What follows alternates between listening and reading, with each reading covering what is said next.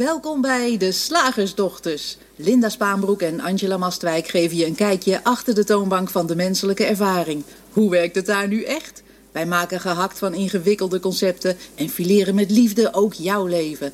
Dat alles onder het motto geluk. Mag het een onsje meer zijn? Welkom luisteraars, ik ben Linda. En hier zit Angela aan de overkant. En wij gaan uh, vandaag met je kijken naar een, uh, een onderwerp in het kader geluk in de aanbieding. Een onderwerp in het kader van hoe maak je het leven nou makkelijk. En wij willen graag met je kijken naar uh, het belang van niet weten. Dat is een hele spannende. Meestal hebben we het over hoe belangrijk het is om dingen te weten. Dingen uit te zoeken en hoe is het gebeurd en, en wat zit er aan vast en wat, wat is er aan vooraf gegaan, wat zullen de consequenties zijn, ja. wetenschap. Ja, op de, op de een of andere manier lijkt het super belangrijk om te weten wat je wilt, bijvoorbeeld ook. En om te weten wat de volgende stap is en om te weten hoe het moet. En dat zie je natuurlijk ook wel aan het feit dat er boeken volgeschreven worden over hoe je je doel bereikt. Hoe doe je het? En uh, je wordt om de oren geslagen met stappenplannen en met how-to's. En dat lijkt, moeten wij zeggen, allemaal best wel handig en veilig. Ja, het is, het is heel erg diep geworteld in onze cultuur, zou ik bijna willen zeggen om, uh, nou, om te weten waar je, waar je heen gaat en ook om te weten wat er gebeurt in de wereld. er zitten heel veel aspecten aan dat weten of, of niet weten. En wat er in mij opkwam was een, een wetenschapper, ik weet zijn naam niet meer, maar die van de week publiceerde die iets op internet. En, en hij constateerde van, ja, we weten best veel, maar als ik moet vergelijken met het, het, het stukje wat we al weten over de wereld, en, en in zijn geval het heelal geloof ik, en het stuk wat we niet weten, is het stuk wat we niet weten zoveel groter. Hij zei dat is echt miljarden malen groter dan het stukje wat we wel weten. Vond ik een uh, interessante mededeling en ik dacht, ja, en, en hoe belangrijk is het dat wat wij nog niet weten, dat wij dat te weten komen? Moet dat? Ja, ja wat ik interessant vind aan wat je net zei, is dat de, die, die wetenschapper die dit beschreef, hè, van we weten eigenlijk maar zo weinig. En wat je ziet is met dat, dat in dat, dat, dat hele kleine stukje wat we weten. Nou, daar zit informatie in, daar zit kennis in, allemaal hartstikke leuk. Maar er is dus nog een enorme hoeveelheid kennis, ontdekkingen te doen, dingen om te weten, eventueel. En toch concentreren wij ons met z'n allen op dat kleine stukje wat we nu weten. En blijven we dat ook tegen elkaar herhalen. En ik heb, ik heb veel met ondernemers gewerkt. En wat je daarin ziet, dat als ondernemers een bedrijf willen opbouwen, dat ze heel erg op zoek zijn naar de juiste stappen om dat te doen. Wat zijn de juiste stappen om de marketing van mijn bedrijf te doen? Wat zijn de juiste stappen om mijn bedrijf in de markt te zetten? En dan zijn ze heel erg op zoek naar het juiste. En wat ze, dan, wat ze dan in feite doen, is om zich heen kijken naar, naar dat wat andere mensen al weten. Maar als ik net naar jou luister, is dat dus eigenlijk maar een heel klein stukje van wat we weten. En dan gaan ze putten uit dat hele kleine stukje. In plaats van dat ze, en dan ga ik een beetje vaag praten, zich openstellen voor het potentieel dat er is waar we nog niet echt kennis over hebben. Ja, we, trekken ook heel vaak conclusies gebaseerd op dat hele kleine stukje wat we al weten. Op dat hele kleine stukje waarvan we denken dat we bewijzen ook hebben gevonden. En of dat nu ondernemen is of opvoeden of um, waar hebben we mensen nog meer problemen mee met relaties, wat dan ook. Dan hebben we dus een heel klein stukje van de wereld, van, van alles wat er te weten valt. Dat denken we te kennen en dan zeggen we ja, nee, maar dat is nu eenmaal zo als je kind zus of zo doet het is wetenschappelijk bewezen, dan moet je ja. daar en daarheen. Nou ja, een onderwerp wat mij nogal na aan het hart ligt in dat kader, waarvan ook gezegd wordt van ja, this is it. En daar is de laatste tijd veel over te doen in de media, is bijvoorbeeld depressie. Over depressie wordt ook gezegd van ja, dit is depressie. We hebben een aantal dingen die we kunnen doen om mensen te helpen van hun depressie af te komen. En als dat niet lukt, dan houdt het op. En en daar zie ik ook die beperking in. Die beperking van wat we weten is niet genoeg om iedereen van zijn depressie af te helpen. Maar om de een of andere reden blijft, als het om dit onderwerp gaat, de wetenschap, de hulpverleners blijven heel erg kijken naar dat kleine stukje wat ze wel weten. Ook al schiet het tekort. En staan eigenlijk niet open voor ja, een oneindig aantal mogelijkheden waarvan we de inhoud niet kennen, nog niet kennen, waarschijnlijk ook nooit helemaal zullen kennen, maar wel iets nieuws, iets, iets fris, iets wat we nog niet hebben gezien. En ik vond het mooi dat jij zei dat ehm, in het kader van depressie, dat er dan geconstateerd wordt, dan houdt het op. En dat, dat zeggen we natuurlijk in heel veel gevallen. Hè? Bij ziektes, nou ja, als je alle, al die behandelingen hebt gedaan en het is nog niet over, hè, ook fysieke ziektes, dan houdt het op. Oh ja, als je als ondernemer um, al, al vijf jaar bezig bent met de beste marketingtechnieken en uh, het, het lukt nog niet om succesvol te zijn, wat je dan ook onder succesvol zijn verstaat, ja, dan houdt het op. Dan kun je beter iets anders doen. En het is zo jammer dat we eigenlijk niet bereid zijn om, zoals jij zo mooi zegt, te kijken naar wat we nog niet weten. En de potentie die daarin ligt. We hebben geen idee. Maar het lijkt een soort voor het menselijk hoofd heel moeilijk om te zeggen: ik weet het niet. Weet je waar ik dat een heel opvallend, opvallend voorbeeld altijd in vind? Bij de weg weten. Dat vind ik zo fascinerend. Wat vertel? Nou, heel vaak heb je mensen die, of misschien dat ik die tegenkom, omdat wij nogal veel rondreizen. Dan uh, ben je ergens geweest, ik noem maar wat. Uh, de Algarve in Portugal met je camper. En dat, uh, het gesprek komt daarop en dan zeggen mensen: Oh, maar hoe ben je dan gereden? Want zij zijn ook een keer naar de Algarve in Portugal geweest. En dan weten zij een betere route of een andere route of een mooiere route. En uh, als je dan uitlegt, ja, nou ja, ik weet nooit hoe we rijden, want ik, ik zit niet achter het stuur, dus dat is lekker relaxed. Maar dan wordt er gepraat over, nee, maar als je dan bij Parijs daar en, en dan, moet, dan is het, lijkt het ineens heel belangrijk te zijn om te weten wat die beste route is naar de Algarve of de mooiste route of de meest interessante. Maar ook, ook op, uh, op kleinere afstanden. Van hoe ben je hier gekomen? Ik reis nog wel eens van Friesland op dit moment naar, uh, naar Soest. En dan is het, oh ja, maar je kan toch ook uh, door de polder. En ja, ik neem altijd die en die. En dan lijkt het heel belangrijk dat we, dat we precies weten waar die ander vandaan komt en hoe er gereden is. En ik, eigenlijk is het natuurlijk totaal irrelevant. Je bent er. Ja, ja. Ja, en daar zeg je iets heel veel van de dingen die wij willen weten, kun je je van afvragen of ze zo relevant zijn. Ja. En we houden ons natuurlijk heel veel bezig met gedachten en concepten waarvan we denken dat ze de waarheid zijn, maar waarvan we dat eigenlijk helemaal niet, niet zeker weten. Maar ik wilde eigenlijk even met je terug naar, naar die potentie van alles wat we niet weten. Ja. Want dat doet mij heel erg denken. We hebben het in deze radioshow altijd over drie principes. Nou, voor mensen die niet weten, die, die nieuw zijn uh, bij deze radioshow, die niet weten wat die drie principes zijn, dan wil ik je heel graag verwijzen naar een gratis e-book op onze website. Dat heet Drie Stappen naar Geluk. Daarin leggen we die drie principes uit. Uh, je komt op onze website via www.shiftacademy.nl. En Academy op zijn Engels geschreven. En uh, daarin beschrijven we drie principes. En een van die principes is de universele levensenergie. En jij kan het altijd zo mooi uitleggen. Want die universele levensenergie, die bevat eigenlijk wat mij betreft al die potentie waar we met ons hoofd vaak niet bij kunnen. Ja, daar, daarin zit eigenlijk een soort, ik vind potentie een mooi woord, voor, voor alles wat er zich in de vorm uh, kan ontwikkelen. En als je, als je bijvoorbeeld kijkt naar techniek, hè, wij, wij hebben net onze telefoons even weggelegd. Als je aan mijn oma had verteld, die een aantal kinderen in Australië had wonen, dat je in, in 2018 met een telefoon met een, die je in je hand kon houden zonder dat er een draad aan zat. Dat je daar een foto mee kon nemen of een video. En dat op het moment dat je op het knopje drukte dat hij in Australië was, dan had mijn oma waarschijnlijk gezegd: Je bent niet helemaal goed snik, eh, kind. Maar het idee om dit soort dingen te ontwikkelen komt ergens vandaan. En, en natuurlijk hebben we onze hersens en die zijn hartstikke handig. Maar zoals jij al vertelde, die houden zich meestal bezig met wat er al ontdekt is en wat er al ontwikkeld is.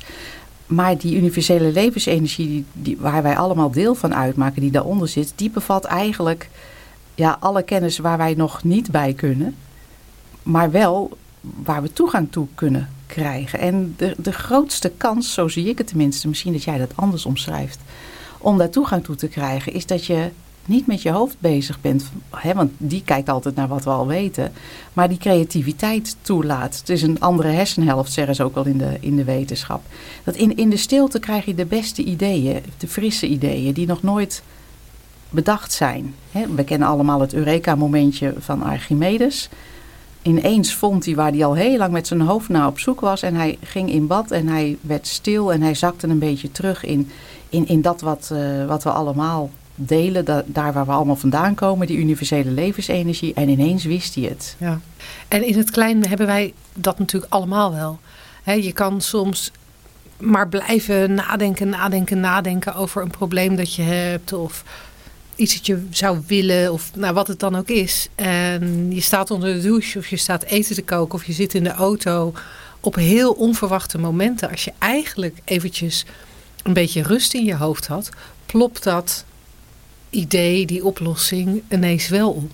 En ik vind het heel mooi hoe je omschrijft dat dat, of tenminste dat is wat ik erin hoor, dat je op die manier, op die momenten eigenlijk meer toegang hebt tot die universele levensenergie, tot, dat, tot, tot die universele potentie die er is en die we niet kunnen zien. Ja, en ik vraag me dan ook af in dit kader waarom we zo bang zijn om het niet te weten. Om, om, om even terug te zakken in die stilte. In plaats van maar eindeloos te blijven malen over hoe moet dit en hoe zal ik dat doen en waarom is dit gebeurd. Hoe zou het nou komen dat, dat we niet dat gewoon durven. Ja, ik vind loslaten een beetje een jeukwoord. Maar hoe zou het nu komen dat we niet durven te vertrouwen op die universele levensenergie? Misschien. Nou, toevallig het is grappig dat je dat vraagt. Want voordat, uh, voordat we deze radio-uitzending aan het opnemen waren, werd ik geïnterviewd door een journalist. En toen kwam controle ter sprake. Controle en het zoeken van veiligheid. En wat ik hem vertelde, zoals ik er op dit moment naar kijk, is dat veel van ons, misschien iedereen wel, op een onbewust niveau een, een soort existentiële angst heeft. Gewoon een soort basisangst die nergens aan gekoppeld is, waar we ons ook niet van bewust zijn. Maar die wel maakt dat we behoefte hebben aan veiligheid en dat we behoefte hebben aan controle. Want veiligheid en controle in mijn ogen hangt erg met elkaar samen. Als je veiligheid wilt hebben, dan kan, kan controle een gevoel van veiligheid geven. Dus hoe meer je de dingen in je omgeving of in je leven kan laten zijn zoals jij denkt dat ze goed zijn, dat lijkt die, die onbewuste, nou ja, noem hem nog maar een keertje existentiële angst, te sussen. Dan lijkt je hem minder te voelen. En voor mij ziet het eruit alsof daar die behoefte aan veiligheid en controle vandaan komt. Op het moment dat je gaat herkennen dat, dat er misschien zo'n onderstroom van angst is. En dat die onderstroom van angst nergens op gebaseerd is. Dat het een soort random gedachte, random gevoel is. Wat eigenlijk niks met de werkelijkheid te maken heeft, maar wat ja, misschien wel door die drie principes op de een of andere manier een beetje, een beetje meegebakken is in ons systeem. Als je dat kan zien, dan kan je ook je eigen zucht naar veiligheid en zucht naar controle meer gaan herkennen misschien.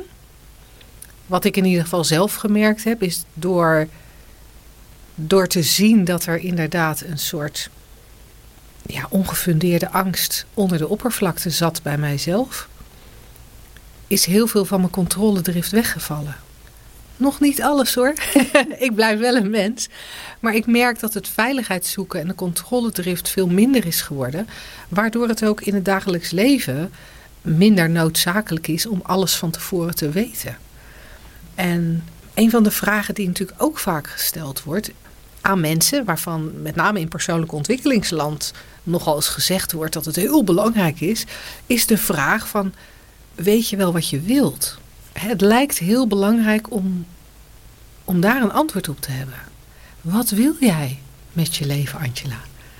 Ik heb geen idee, Linda. Maar ik weet wel dat wat ik nu weet en wat ik nu wil, en dat is met jou deze radio-uitzending verzorgen, is op dit moment genoeg. Heb ik ontdekt op de een of andere manier. Dat was een inzicht wat, wat zo bevrijdend was van wat ik nu wil En het maakt niet uit wat dat nu is. En wat ik nu weet is altijd genoeg. En ik weet ook dat er meer te zien is, maar ik hoef er niet naar op zoek, want dat zien we vanzelf wel.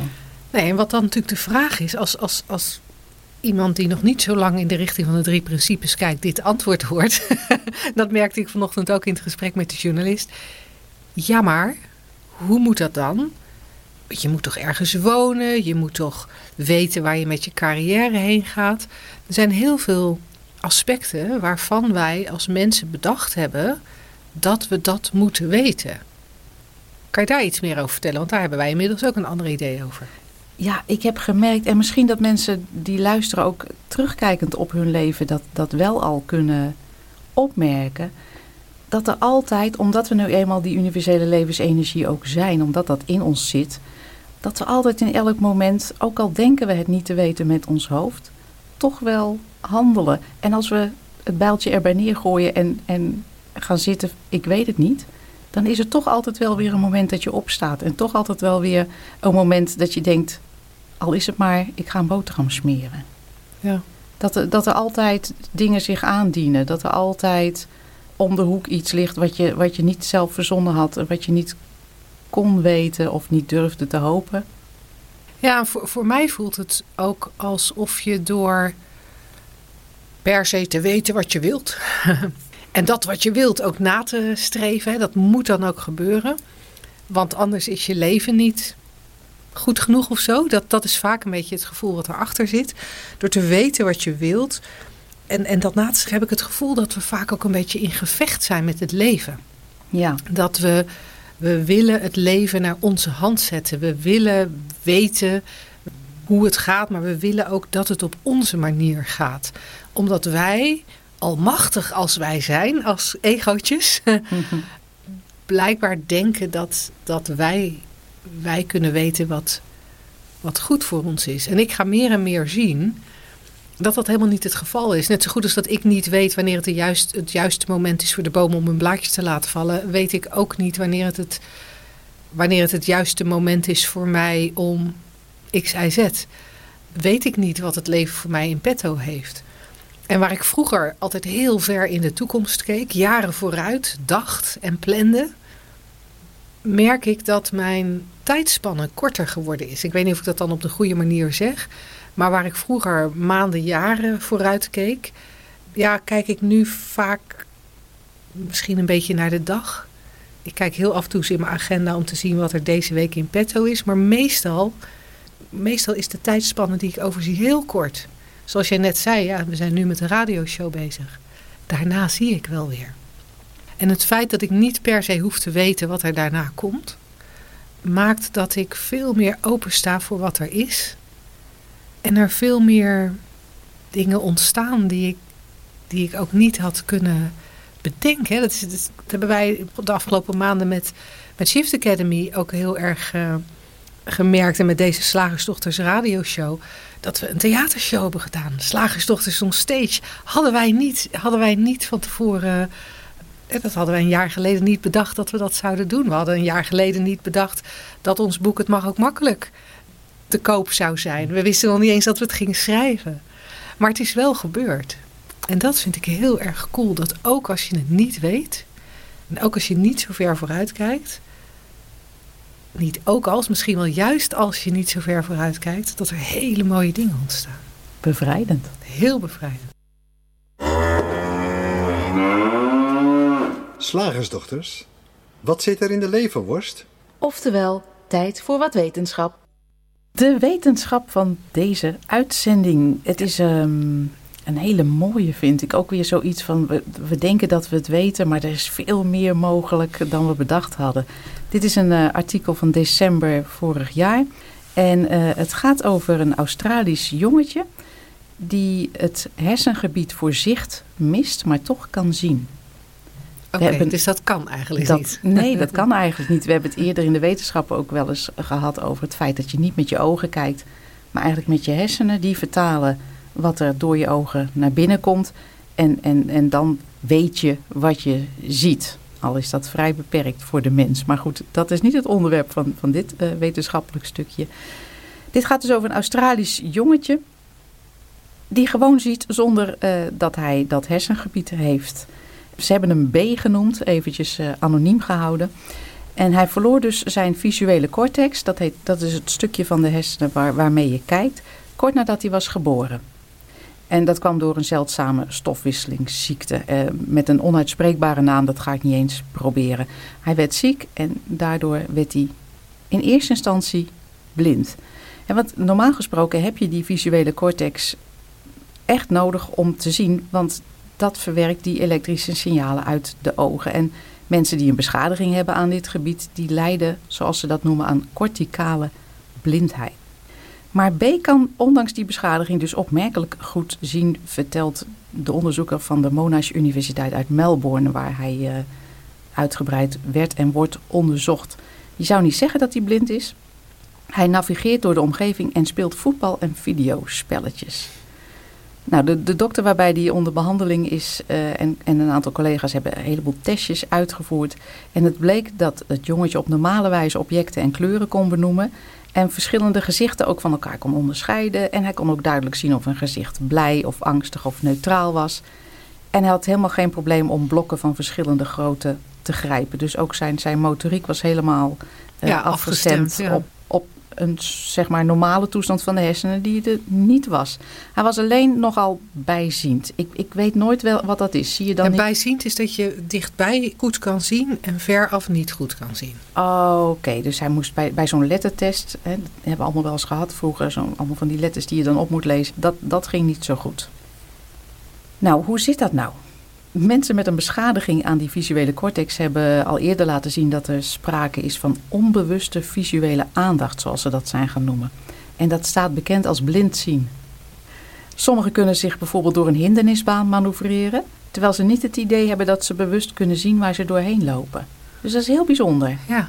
Het is een beetje ongrijpbaar wat er dan gebeurt. Dus ze zien niks en toch weten ze dat er iets staat waardoor ze nergens tegenaan lopen. Nou, dokter Mundignano, die dus uh, het jongetje B onder behandeling heeft, zegt hij is zo bijzonder omdat hij de eerste persoon is die helemaal geen visuele cortex heeft, maar waarbij sprake is van zicht dat bijna normaal is. Dus hij doet niet dat blind zien, hij ziet gewoon. Nou, hoe komt dat nou? De dokter zegt waarschijnlijk is het omdat hij zijn visuele cortex in de eerste twee weken van zijn leven verloor. Dat is natuurlijk heel vroeg in je bestaan als mens. En dan zijn je hersenen nog heel kneedbaar en aanpasbaar. Ze hebben zijn brein ook door een MRI-scanner gegooid. Zo mooi hè, die techniek tegenwoordig die we allemaal hebben. En onderzoekers kwamen erachter dat een ander gedeelte van de hersenen de taak van het zicht op zich heeft genomen. Hebben we het ook al eerder over gehad, hè? dat verschillende delen van de hersenen gewoon functies kunnen overnemen bij, bij uitval. De plasticiteit van de hersenen. Ja, ja, precies. Vergeleken met andere jongens van zijn leeftijd had hij meer neurale verbindingen in, in twee gebieden. Nou, die heten het pulvinaar en de mediale temporale kwab. Nou, Voor iedereen die luistert, die dat interessante term vindt. Ja, precies. Maar het is handig om te weten dat die allebei naast eh, de visuele cortex liggen. Aan de achterkant van het, van het hoofd. En normaal zijn die, die hersengebieden die ik net noemde, die zo onuitsprekelijk zijn, verantwoordelijk voor het doorgeven van zintuigelijke signalen. Dus, dus de tast en het gehoor en, en ehm, wat zijn nog meer zintuigelijke signalen? Uh, voelen. Ja, voelen. Proeven, ja. ruiken. En het waarnemen van beweging. Dus, dus die, die twee uh, hersengebieden hebben bij dit jongetje, als eerste in de wereld in ieder geval dat wij weten en dat onderzocht is, de functie overgenomen grotendeels van die visuele cortex die verdwenen is. Eerdere experimenten hebben ze ook al gedaan met, met aapjes. En daaruit bleek dat het gezichtsvermogen van die aapjes eh, behouden blijven wanneer hun visuele cortex in de vroege jeugd wordt beschadigd. Dus ze denken nu van het is wel van belang dat die beschadiging als die plaatsvindt heel vroeg mhm. plaatsvindt. Zoals jij al zei, neuroplasticiteit van de hersenen. We denken nog steeds, maar ja, ik weet niet of dat zo is, hè? dat, dat hoe vroeger dit soort dingen gebeuren, hoe, hoe makkelijker eh, andere delen van de hersenen dus functies overnemen omdat er een overeenkomst is tussen dit eh, geval van het jongetje en die eerdere experimenten met apen, wordt er gesuggereerd dat de hersenen van pasgeborenen visuele informatie kunnen omleiden via andere gebieden.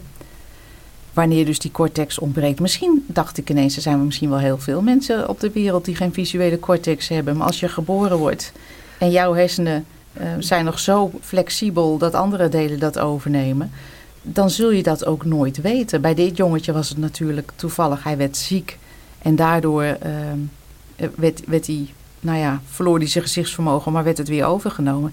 Maar stel dat je helemaal geboren wordt zonder uh, zo'n visuele cortex, dan waarschijnlijk zal je dat nooit weten. Nee, en dan ben je bijziend en dan krijg je een brilletje. Ja. Want dan kan je niet zo goed in de verte kijken. En daar wordt, ja, daar wordt verder niet bij nagedacht. Ik moet ineens denken aan vroeger, uh, toen ik klein was, had mijn broer een vriendje. En toen zaten ze samen op de kleuterschool. En dat vriendje dat kreeg op een gegeven moment op zijn vierde een brilletje.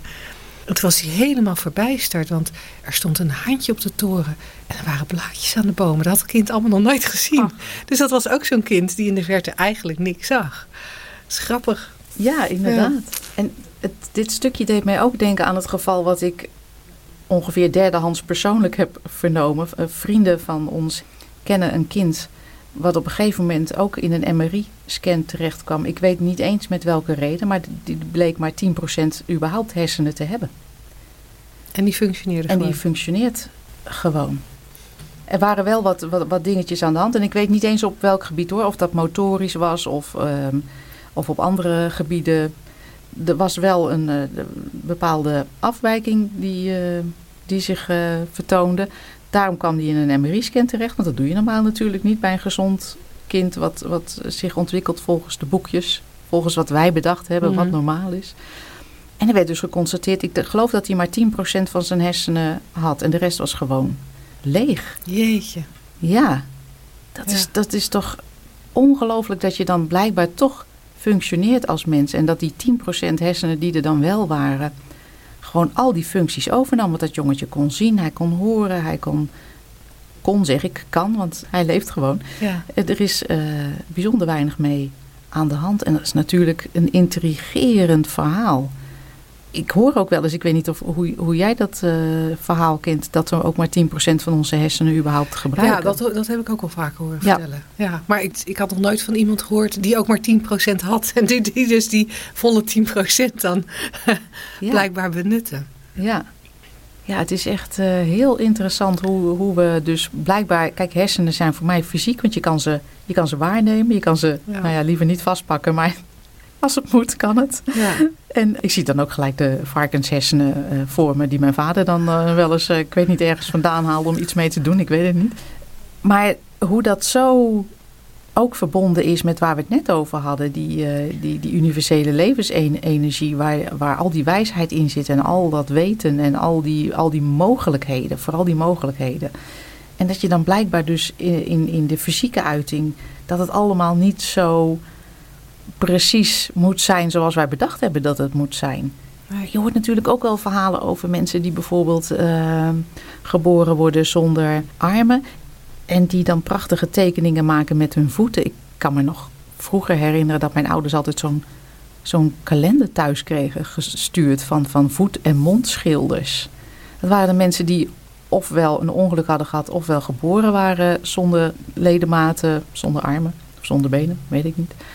En, en dan gingen schilderen met hun mond of met hun voeten. En nou, dat zag er echt prachtig uit. Ja. Maar als jij geboren wordt zonder te weten dat, je, dat armen handig zijn. Armen zijn handig, ik vind het een leuke woordspeling. uh, blijkbaar ben je dan ook in de, in de vorm zo flexibel dat je, dat je heel andere dingen. Op, op heel andere manieren dezelfde dingen gaat doen. Ja, ja ik vind het een fascinerend voorbeeld in, hè, in het kader van, uh, van niet weten het is weer een voorbeeld van hoeveel we niet weten en hoeveel er mogelijk is. Ook als, als je het niet weet. Hè? Als je niet weet dat je een visuele cortex nodig hebt, dan, dan kan je in het geval van dit kind gewoon zien. Zou iemand hem verteld hebben, ja sorry, dat gaat niet lukken kind. dan zou het misschien nog wel anders uitgepakt zijn. Ja, dat is, dat is heel interessant. En ook dus, ik, ik filosofeer hier even verder op door hoe we onszelf beperken. Van nou ja, ik kan niet, ik noem maar even jouw ding ondernemen. Want ja, ik ben nou eenmaal niet zakelijk.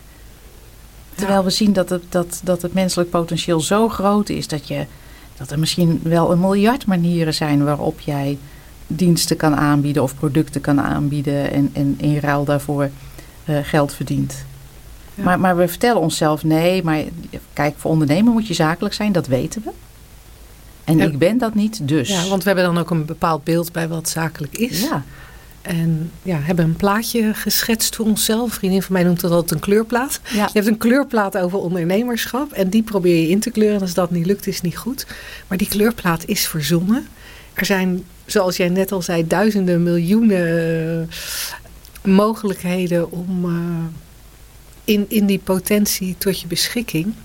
Dus waarom je beperken tot wat je om je heen ziet en dat kopiëren? We hebben zoveel meer mogelijkheden dan we denken, letterlijk. Ja, letterlijk. Nou, mooie, Ja, cool. mooie afsluiter. Dan gaan we nu naadloos over naar het volgende onderdeel van onze show, de luisteraarsvraag. Zeg, slagersdochters, hoe bak ik die vegaburger? Over naar de luisteraarsvraag. Vandaag hebben we een vraag van eh, Wilfred binnengekregen. En eh, mocht jij als luisteraar ook een vraag voor ons hebben, dan ontvangen we die heel graag op radio.shiftacademy.nl. En het mag een vraag zijn, maar het mag ook een mijmering zijn. Het mag een dilemma zijn waar je voor staat. Ehm, iets waarvan je denkt, hey, zou dat makkelijker kunnen? Dan mag je me aan ons toesturen en dan eh, mijmeren we daar graag met jou samen over eh, in onze radioshow. Nou, Wilfred heeft dat gedaan en, eh, en dit is zijn vraag. Hij zegt, of hij schrijft, en wat vinden jullie het nut van het leven? Een kameraad van me zei dat het simpel is. Er is geen nut. Dus doe gewoon wat je doet. Ik denk dat we toch ook iets toevoegen aan de wereld en de mensen om ons heen. Dat er wel een nut is. De ideale wereld zou ook niet bestaan. Denk wel dat we het veel leuker kunnen maken en nuttiger. Minder economie geld gebaseerd en meer op resource en wat mensen kunnen. En in overmaat geloven slash creëren, zodat er genoeg is voor iedereen. Dat we de nieuwste techzaken uitvinden en er dan voor zorgen dat deze enorm lang meegaan. In plaats van dat nu snel alles vervangen wordt op geld gebaseerd. Komt veel uit Zeitgeist, op Netflix. Verder denk ik dat psychologie, beweging, voeding, veel natuurlijk, weinig dierlijk en energie, omgeving bepaalt wat het leven is en voor iedereen kan zijn. En eh, hij zegt heel veel groetjes en liefde. Ik ben een trouwe luisterfan. Nou, Nou, Wilfred, dankjewel. Ja, dus he- heel even distillerend. Zegt Wilfred van, ja, wat vinden jullie eigenlijk, eh, bestaat het nut van het leven? Is er zoiets als het nut van het leven? En lees ik uit zijn vraag heel erg dat zijn kameraad zegt, nee, er is geen nut van het leven. En dat Wilfred zoiets heeft, ja, er is wel nut. En daar heeft hij in zijn, in zijn mail een aantal voorbeelden van gegeven. Zo, zo hoor ik de vraag. Ja, ja, dat is ook wat ik eruit proef. En je merkt ook dat het een is, is, is heel simpel, maar dat, dat geeft een beetje een idee van, oh, nou ja, een soort, ja, Beetje ja, leeg. een beetje leeg. Van, nou ja, dan kan ik, net zo, kan ik net zo goed niks doen. Ja, En, en het andere klinkt dan een soort inspirerender, maar wel ingewikkeld. Ja, ja en, het, en het grappige is dat je dat eigenlijk ook al merkte aan de manier hoe ik het voorlas. Ik had moeite om het voor te lezen. En eigenlijk buitelen er veel van Wilfreds gedachten over elkaar heen eh, in de tekst die hij schrijft. En dat is logisch, Wilfred. Het is helemaal niet, niet een, een aanklacht aan jou, want we hebben allemaal last van buitelende gedachten. Zeker als we nog niet zo heel erg lang in deze richting kijken. Maar het zijn wel buitelende gedachten over psychologie, over voeding, over wel dierlijk, niet dierlijk, Techniek. over techniek, over geld, had ik die al genoemd, over, over Netflix. Heel veel gedachten. Ja. En nogmaals, je merkt al aan, aan het voorlezen wat ik deed. Dat maakt het, al die gedachten maakt het wel een beetje ingewikkeld. Het wordt Ja. een beetje warrig. Er is ineens heel veel. En hoe hangt het met elkaar samen? En hoe past het in elkaar? En Hoe Ja. moet je het goed doen? Dat, is Hoe- ook, eh, dat zit er ook een hoe beetje moet je in. het goed doen? En dan ook op een manier dat het, nou ja, misschien ook nog wel nut heeft. Hè? Dat, dat eh, wat Wilfred aan het begin van zijn vraag zei: van ja, iets toevoegen aan de wereld en de mensen om je heen. Ja, en het interessante is dat, dat eigenlijk ons nu gevraagd wordt van... kunnen jullie jullie gedachten overheen laten buitelen? Ja, En dat gaan we toch iets anders doen, denk ik. Want zodra je hierop ingaat, dan merk je al... Ik, ik, ik noem maar even wat technologie, dat is in onze maatschappij natuurlijk een, een, ding waar we heel veel profijt van hebben. Waar we, wat ons leven heel erg praktisch makkelijk maakt. Wasmachine hebben wij het net over gehad. Linda, die voor jou was Voor kapot. de uitzending, ja. En um, oh, wat heerlijk dat, dat, dat zo'n ding er is. Maar uh, dat voegt echt iets toe aan ons leven. Vinden we lekker als de, als de was schoon is en dat het allemaal vanzelf gaat. Maar ga je naar de binnenlanden van Afrika, naar een nog onontdekte stam die heerlijk uh, rondloopt met een lendendoekje om. En uh, leeft van kruiden en planten en de jacht misschien. En die zijn was in de rivier doet. Die, daar, daarvoor zal er waarschijnlijk helemaal geen toevoeging zijn. Zij leven op een heel ander uh, tempo dan wij. En ja, daar zal ook een, een, mobiele telefoon niet echt gelukkiger maken of makkelijker maken. Dus als, als we gaan kijken van ja, wat, wat is je mening, dan, um, dan, wordt het, dan wordt het moeilijk. Maar wat, wat wel mooi is om in het kader van de drie principes waar wij het over hebben. Je leeft en je beleeft je gedachten. Even heel kort door de bocht samengevat. Dan, uh, dan, dan kunnen we eigenlijk constateren, we hadden het eerder in dit uur over universele levensenergie. Dat waar we allemaal mee verbonden zijn, waar de oneindige potentie van de mens in ligt. En, en dat, dat krijgt een soort vorm. En dat zijn wij, de mens. Maar ook de tafel waar we aan zitten, de microfoon waar ik in praat, uh, de techniek waar Wilfred het over heeft. Dat, dat krijgt vorm. En dan gaan wij vervolgens bedenken, ja, wat voor nut heeft die vorm? En persoonlijk denk ik gewoon het feit dat, dat dit er is. Wij noemen het ook wel een illusie, hè? maar dat is een andere discussie. Of het echt is, alles in die vorm, dat lijf waarin wij ons bewegen. En al die techniek om ons heen en de tafel en de microfoon. Maar even, even los daarvan, het feit dat die vorm er is. Ik denk dan altijd, wow, het is toch ongelooflijk cool dat, ik zit nu naar mijn handen te kijken, dat, het, dat dit er is, die vorm. Ja.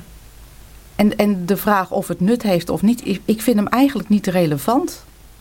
Als ik kijk naar hoe die drie principes werken. Je leeft, er is blijkbaar een universele levensenergie die ervoor zorgt dat uh, het water wat ik zojuist gedronken heb door mijn lichaam heen gaat. Daar wordt iets mee gedaan, het wordt gebruikt of uh, er wordt iets uitgehaald. En, en, en uiteindelijk wat niet nodig is, wordt dan weer geloosd. Echt helemaal vanzelf, mijn hart klopt.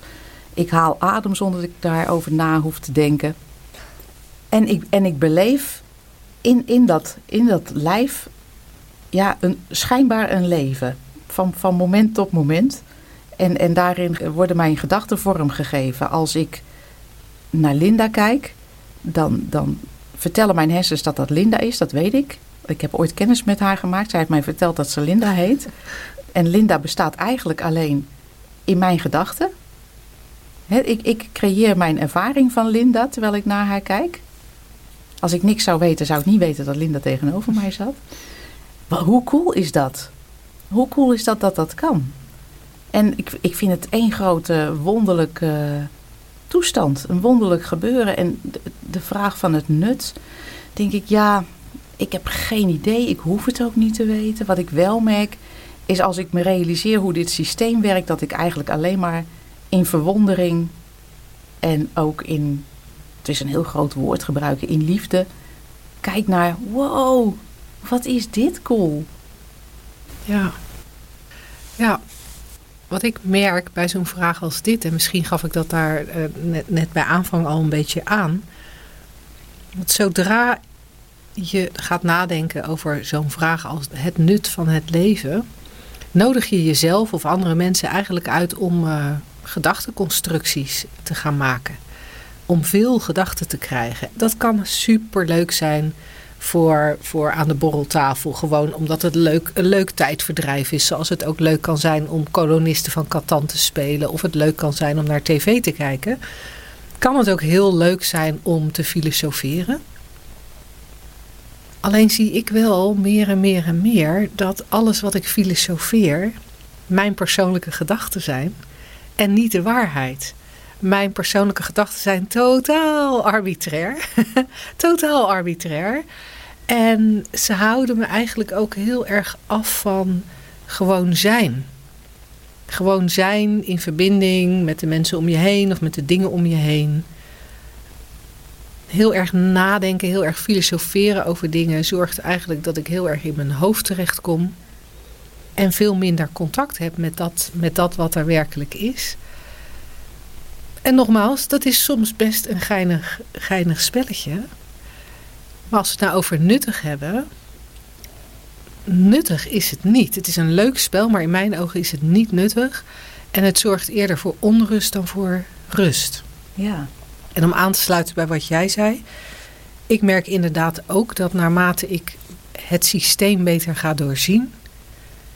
Me bewuster word van hoe, hoe die drie principes werken. Hoe die ervoor zorgen dat ik mijn eigen realiteit vormgeef. En ook echt alleen maar mijn eigen realiteit. Dat ik niks, niks, niks, niks ervaar. Niks anders ervaar dan mijn eigen gedachten naarmate ik dat meer ga zien en vaker ga zien en dieper ga zien, wordt het rustiger in mijn hoofd.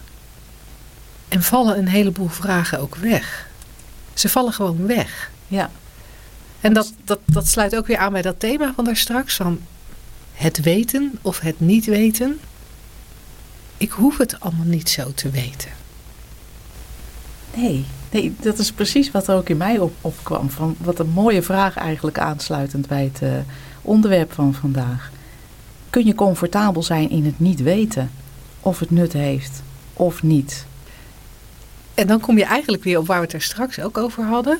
Dat, dat het kan heel oncomfortabel zijn om niet te weten of het leven nut heeft en wat het nut van het leven is. En dat oncomfortabele gevoel, hè, dat kan raken aan die veiligheid en gebrek aan controle, waar we het daar straks ook over hadden. En dat kan ervoor zorgen dat je een soort houvast gaat zoeken. Misschien ook uit een soort angst van ja, als ik de conclusie trek dat het leven geen nut heeft, wat doe ik hier dan? Jij zei dat daar straks al. Wat doe ik hier dan? En ja, dan zou je de angst kunnen hebben dat depressiviteit op de loer uh, ligt. Jij noemt dat ook wel de Advaita Shuffle, ja, toch? inderdaad. Dus ik kan me voorstellen dat je dan, om van dat oncomfortabele gevoel af te komen, van oeh, als er niks is, dan oeh, wat dan, oeh. Dat je juist de andere kant op gaat kijken en dat je juist in de gedachtenwereld, in de wereld van de vorm, houvast gaat zoeken. Ja, het doel van het leven is elkaar helpen, dus ga ik mijn leven wijden aan het helpen van de medemens. En hoe mooi ook, hè? Ik bedoel, be my guest als je daartoe geïnspireerd bent. Ik vind het prachtig. Maar zoals jij heel duidelijk het verschil aangeeft, doe je dat om, om je ergens aan vast te houden, om jezelf gerust te stellen van nou, ik doe het goed en ehm, dit is het nut van mijn leven en ik, ik vervul dit en, en, en daardoor ben ik oké. Of hoef je het niet te weten en en beweeg je eigenlijk vanuit dit weten toevallig in de richting van andere mensen helpen. Of, of plantaardig eten in plaats van dierlijk, wat, wat Wilfred eh, bijvoorbeeld ook benoemde. Ja, of het uitvinden van de meest fantastische technologie, waardoor uh, ons leven echt super makkelijk maken. Het kan allemaal. Dus de conclusie richting Wilfred? Je hoeft het niet te weten. Je hoeft het niet te weten. nou Wilfred, dankjewel voor je vraag. Mocht je nog een uh, vervolgvraag hebben of een aanvullende vraag, je weet ons te vinden. Radio at shiftacademy.nl Voor al je vragen, dilemma's, opmerkingen. En dat geldt niet alleen voor Wilfred, maar uh, voor iedereen die luistert. We gaan graag uh, een volgende uitzending met, met jouw vraag aan de slag. Woensdag, gehaktdag. Zeg slagersdochters, welk concept gaat er vandaag door de molen? Het concept van deze maand, moet ik zeggen. Ik ben benieuwd, Linda. Heb jij me daar bij de hand? Ja, je kunt ook te aardig zijn. Oh, Angela. Oh, oh dat, is, dat is een hele leuke. Dat, dat is ook in, in de wereld van de persoonlijke ontwikkeling een dingetje. Hè? Daar hebben we iets van gemaakt. We zijn opgevoed, dan is het is de theorie. Hè? En die ga ik eerst eventjes uh, ventileren. Dus dat is niet mijn, uh, mijn, niet jouw mening, mijn zicht de op de zaak. theorie die we vaak voorbij zien komen is, we zijn vooral als vrouwen opgevoed van je moet, uh, je moet lief zijn, je moet aardig zijn. En dat gaan we dan doen, maar eh, ja, met dat doel wringen we ons in allerlei bochten die niet fijn zijn. En dan op een gegeven moment ben je 40 en dan denk je van nou dit voelt niet fijn. En dan moet je weer leren je grenzen aan te geven. En, en dan hoef je niet meer zo aardig te zijn. En dan moet je dat weer leren of eigenlijk afleren om aardig te zijn. En um, daar is een hele grote industrie voor. Daar kunnen we allerlei cursussen voor volgen, allerlei workshops. Allerlei uh, van, van, van heel concreet psychologisch uh, nee leren zeggen tot heel zweverig, spiritueel, weet ik veel, je karma verwerken. Ik noem maar wat. Hè. Maar in ieder geval, het, het idee heerst dat je te aardig kan zijn. Ik vind het een, ik vind het een heel grappig fenomeen. Ja, en dan, en dan zit daar natuurlijk ook achter dat je dan jezelf voorbij loopt en... De deurmat bent. De deurmat bent. En wat ik, wat ik interessant vind aan dit concept is dat het, het geeft sowieso al een maatstaf. Ja. Er is blijkbaar een lat of een vakje of zo en daar moet je aan voldoen. Aardig is goed en, en te aardig is, uh, is niet goed. En dan lijkt het alsof dat een hele concrete maatstaf is. Net zoals dat we een, een meetlat kunnen pakken en een meter in deze kamer kunnen of in deze studio kunnen afmeten. Of uh, een meetlat langs jou kunnen leggen en kunnen zien hoe lang jij bent van kruin tot tenen. Even meten hoe aardig jij bent. Alsof dat ook kan. Hè? Even meten hoe aardig jij bent. Ben jij niet voorbij, voorbij de maatstaf of zit je onder de maatstaf? We maken er iets heel concreets van en we hebben niet in de gaten dat er achter zo'n opmerking een wereld aan gedachten schuil gaat. Uh, dat, er, dat, dat het eigenlijk een concept is met misschien wel honderd concepten erachter. Over dat te aardig, wat die maatstaf dan ook mogen zijn. Inderdaad betekent wat jij daar straks noemde dat je een voetveeg bent. Dat dat betekent dat je niet goed voor jezelf zorgt. Als je niet aardig genoeg bent, dan heeft dat blijkbaar ook weer allerlei gevolgen. Daar hebben wij ook gedachten over. En wat ik fascinerend vind, is dat dat eigenlijk heel veel gedachten zijn. Ik kan ze nu niet eens bewust krijgen. Maar er zit volgens mij een hele laag van onbewuste gedachten onder. Onbewuste aannames en ook weer nieuwe maatstaven. Ja, precies. En, en meningen ook over, over anderen en over jezelf. Wat dan wel, uh, wie wel aardig is en wie niet aardig is alsof dat inderdaad een, een vast gegeven is. En waarbij we dat ook weer totaal vergeten. Daar moet ik aan denken als jij dat zo zegt. Van ja, dat we, dat we van, van iemand anders ook kunnen bepalen die is aardig of die is niet aardig. Alleen dat idee al. Het feit dat als ik een mening heb over jou qua aardigheid. dan is dat mijn mening. Zijn dat mijn gedachten. Mijn gedachten in het moment. En misschien dat ik die gedachten nog een beetje herkauw. Hè? Dat ik op basis van ervaring uit het verleden, oude gedachten van vroeger, dat ik naar jou kijk en doordat, door iets wat jij zegt geraakt wordt, er een herinnering getriggerd wordt van vroeger. We hebben het daar wel eens vaker over gehad in de, in de radio-uitzending. Dat ik op basis ook van al die oude herinnering een gedachte krijg over jou. En dan lijkt die over jou te gaan, maar het is mijn gedachte. En dan schrijf ik het toe aan jou. Angela is aardig, in dit geval. Angela is echt ontzettend aardig. Dank je. Ik schrijf aan jou toe. maar het zijn mijn gedachten. En het is ook zo, zo'n momentopname. Hè? Buiten het feit dat het inderdaad volkomen arbitrair is wat er op dit moment in je opkomt. Het is ook maar zo'n momentopname. Ik bedoel, je, je kijkt naar iemand die toevallig vanmorgen met zijn verkeerde benen het bed is gestapt. En die uh, enorme hoofdpijn heeft, ik noem maar wat. En eventjes kort af is. En je constateert, nou die is ook niet aardig. Ja. Volledig, volledig verzonnen. Je, je hebt echt geen idee wat, wat, er, eh, wat er in die ander omgaat. Dat kunnen wij ook nooit weten. Dat zullen we ook nooit weten. Want we kunnen alleen onze eigen gedachten ervaren. En, en, en dat is wat we zien. En vervolgens concluderen we iets daarop gebaseerd. Het is echt ongelooflijk wat we, wat we doen. Maar, en ook over onszelf natuurlijk. Ja, of we onszelf nu perfectionistisch vinden of niet goed genoeg. Of te aardig of niet aardig genoeg. Het is allemaal volkomen verzonnen. Uh, en de meetlat vond ik een hele leuke. Ja. Heel leuk bedacht. Het zijn, allemaal, uh, het zijn allemaal meningen. Het is net alsof je tegen iemand zegt die 1,92 meter is. Nee, maar jij bent dus echt te lang. Ja. ja. Jij bent echt te lang. Ja. En nou is een lengte van iemand wel vrij vaststaand tenzij je nog in de groei bent. En uh, ga je waarschijnlijk tegen je 60ste, 70ste ook weer een beetje krimpen misschien. Dus dat is, er zit niet zo heel veel flexibiliteit in, in ons idee. Maar laat ik dat vooral ook openlaten, want we hebben geconstateerd dat we niks zeker kunnen weten. Maar een, een mening over, over gedrag en een mening over gedachten is eigenlijk denken over denken. Ja. En, nou ja, maar maak even die gedachte over, over, dat, af, over dat te lang, want dat is een hele interessante. Want je, je raakt nou afgeleid van je, eigen, van je eigen spoor. Op het moment dat we bepalen dat iemand van 1,92 meter te lang is, is, is dat puur gebaseerd op een setje zelfverzonnen gedachten. Ja. Want voor een basketballer is het misschien aan de korte kant. Inderdaad. En voor een wielrenner is het uh, te lang. Ja. Dus ook maar net hoe we er tegenaan kijken en hoe we daarover denken. Volgens mij was dat waar je naartoe wilde, wat je gaat af te maken. Wat ik ook interessant vind, en volgens mij hebben we daar nog wel, uh, nog wel even tijd voor, is dat als je het hebt over te aardig, dan, dan zit daar volgens mij ook de gedachte achter dat dat, dat slecht voor je kan zijn. Dat je beschadigd kan raken door aardigheid.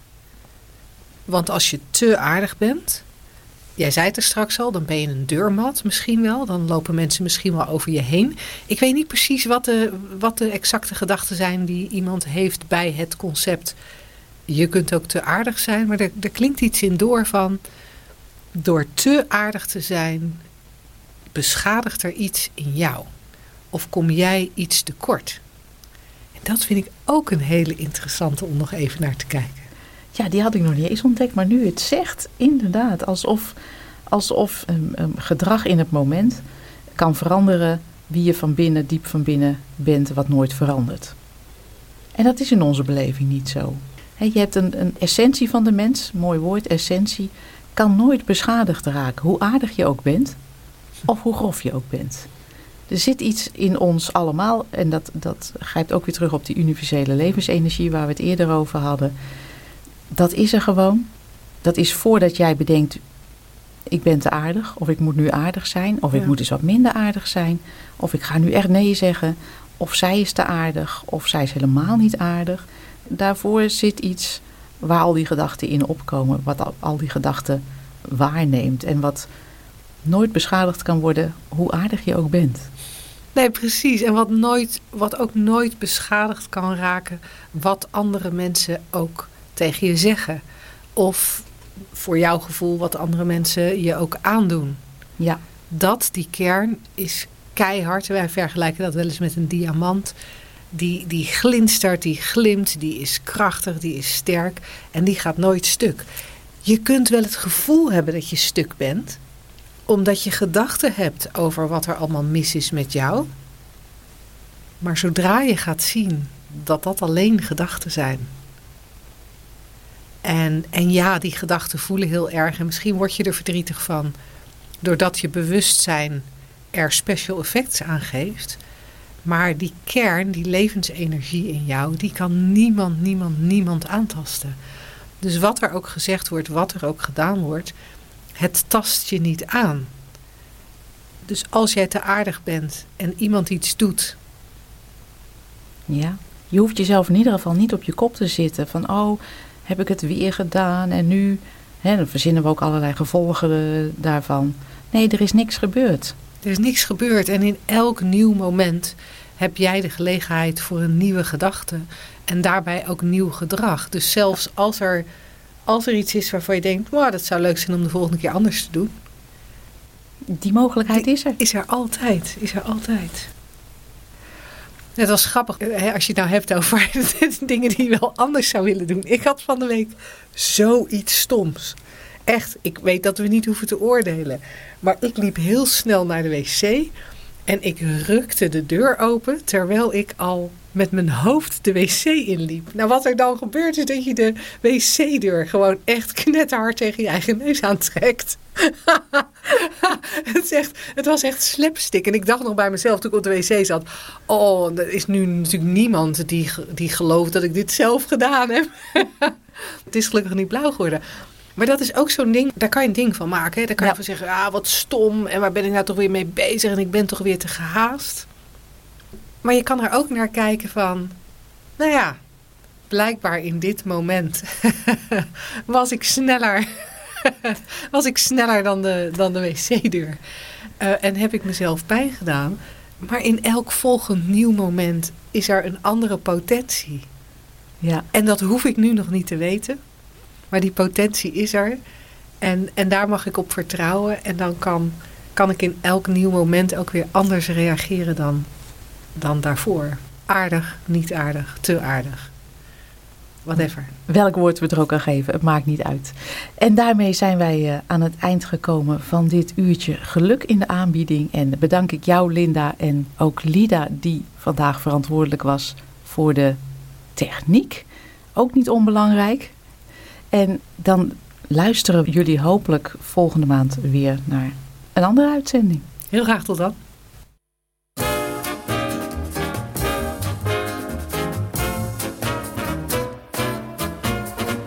Wat een geluk dat ik een stukje van de wereld ben.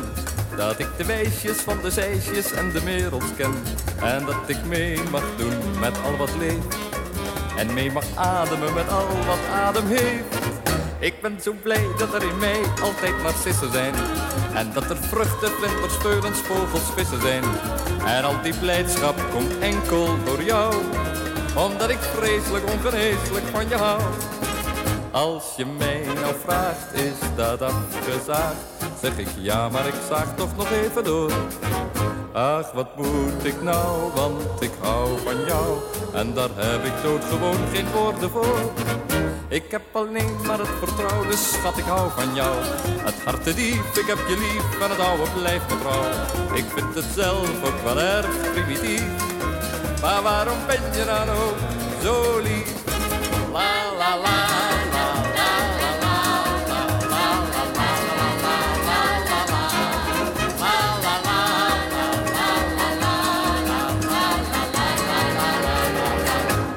Een geluk dat ik een stukje van de wereld ben. Dat ik de wijsjes van de zeisjes en de merels ken. En dat ik mee mag doen met al wat leeft. En mee mag ademen met al wat adem heeft. Ik ben zo blij dat er in mij altijd narcissen zijn. En dat er vruchten, vlinders, veulens, vogels, vissen zijn. En al die blijdschap komt enkel door jou. Omdat ik vreselijk ongeneeslijk van je hou.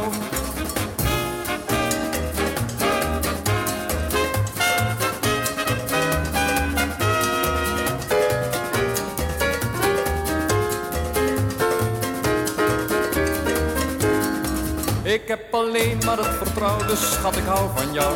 Het hart te diep, ik heb je lief en het oude blijft me trouw. Ik vind het zelf ook wel erg primitief. Maar waarom ben je dan ook, oh waarom ben je dan ook, oh waarom ben je dan ook zo lief? La la la.